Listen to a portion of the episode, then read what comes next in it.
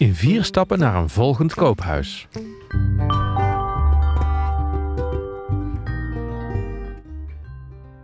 Als je je gaat oriënteren op een nieuwe woning, dan is het handig om allereerst uit te zoeken voor wat voor bedrag je je huidige woning denkt te verkopen, de verkoopwaarde. Dat doe je om een beeld te krijgen of er overwaarde of onderwaarde in je huis zit. Als de verwachte verkoopwaarde niet genoeg is om de openstaande hypotheek mee af te lossen, dan is er sprake van onderwaarde en dan zou je bij verkoop misschien met een restschuld kunnen blijven zitten. Die restschuld moet dan afgelost of hergefinancierd en dat moet je van tevoren goed uitzoeken hoe dat kan. In de huidige markt zie je dat er uh, tegenovergesteld het geval is, dat er in heel veel woningen juist overwaarde zit. In dat geval blijft er een klein of een flink bedrag open na verkoop van de huidige woning. Houdt u bij trouwens ook rekening met het feit dat je wat verkoopkosten zal hebben, bijvoorbeeld de verkoopmakelaar. Een marge van 2% is veilig om aan te houden. Hoe laat je nou zo'n verkoopwaarde vaststellen? Dat kan op een aantal verschillende manieren. De meest gangbare manier is om een paar verkoopmakelaars langs te laten komen voor een waardeindicatie. Ze maken dan geen officieel rapport, maar nemen de woning op en geven jou een inschatting voor wat voor bedrag ze de woning denken te kunnen verkopen. Een andere optie is om de WOZ-waarde te nemen, maar die loopt vaak wat achter op de marktontwikkelingen en geeft dus een minder actueel beeld. Je kunt ook voor een paar euro koopsominformatie bij het kadaster opvragen om te zien voor wat voor bedrag vergelijkbare woningen in jouw omgeving op dit moment uh, verkocht worden. Dat kost een euro of drie. Wil je een heel precieze inschatting? Dan kun je ook voor ongeveer 30 euro een Calcasa-rapport laten maken of echt een officiële taxatie laten doen, maar dat kost vaak wel een paar honderd euro. Vervolgens moet je natuurlijk ook weten hoeveel nieuwe hypotheek je wil en kan afsluiten. Hoeveel hypotheek je wil afsluiten, weet je zelf het beste. Je kunt hierbij bijvoorbeeld afgaan op je huidige hypotheek.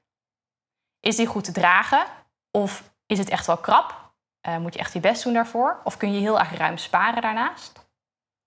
Je kunt je natuurlijk ook afvragen of er nog andere uitgaven zijn waarop je kan of wil bezuinigen om bijvoorbeeld een mooier huis te kunnen kopen en op die manier vast te stellen wat voor maandlasten voor jou acceptabel zijn.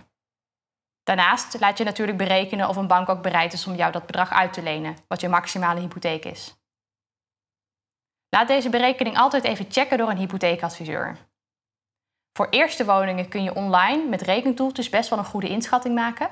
Maar als je al een koopwoning hebt, dan is er een grote kans dat jouw huidige hypotheek invloed heeft op jouw leenmogelijkheden voor je nieuwe hypotheek. Het is dan verstandig om je berekening te laten dubbelchecken door een adviseur, zodat je precies weet waar je aan toe bent. Als je je maximale hypotheek weet, dan kun je je budget gaan vaststellen voor je nieuwe huis. Bepalen in welke prijscategorie je een nieuwe woning kan gaan zoeken. Dat is natuurlijk gebaseerd op je maximale hypotheek en eventueel spaargeld dat je bereid bent te investeren, misschien een schenking van familie en mogelijk overwaarde in je huidige huis. Let daarbij nog op de volgende punten.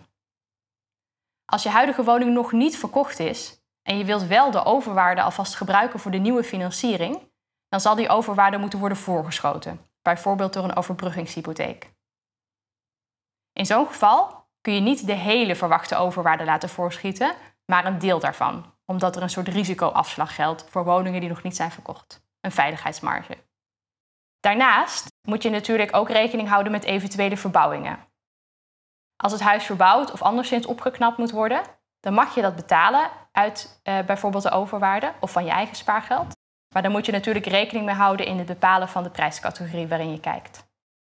Tot slot kun je, anders dan een paar jaar geleden, de bijkomende kosten bij het kopen van een huis niet meer meefinancieren in de hypotheek. Die moet je dus zelf betalen.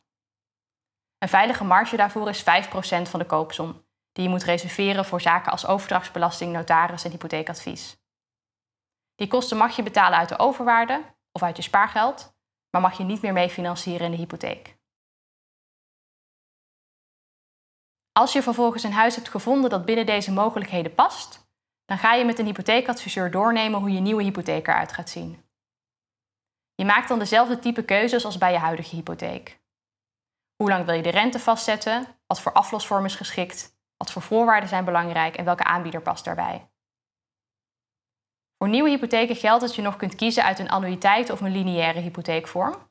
Maar als je voor 2013 al een hypotheek had, heb je mogelijk nog te maken met overgangsrecht en heb je mogelijk uit meer hypotheekvormen keuze. Daarnaast bekijk je opnieuw hoe lang je de rente zou willen vastzetten en loop je ook je verzekeringen door. Vervolgens vraag je de hypotheek aan bij de aanbieder van jouw keuze. Als het nodig is, pas je dus ook de verzekeringen aan, eventueel een bankgarantie, totdat alles helemaal rond is. Wil je hier meer over weten?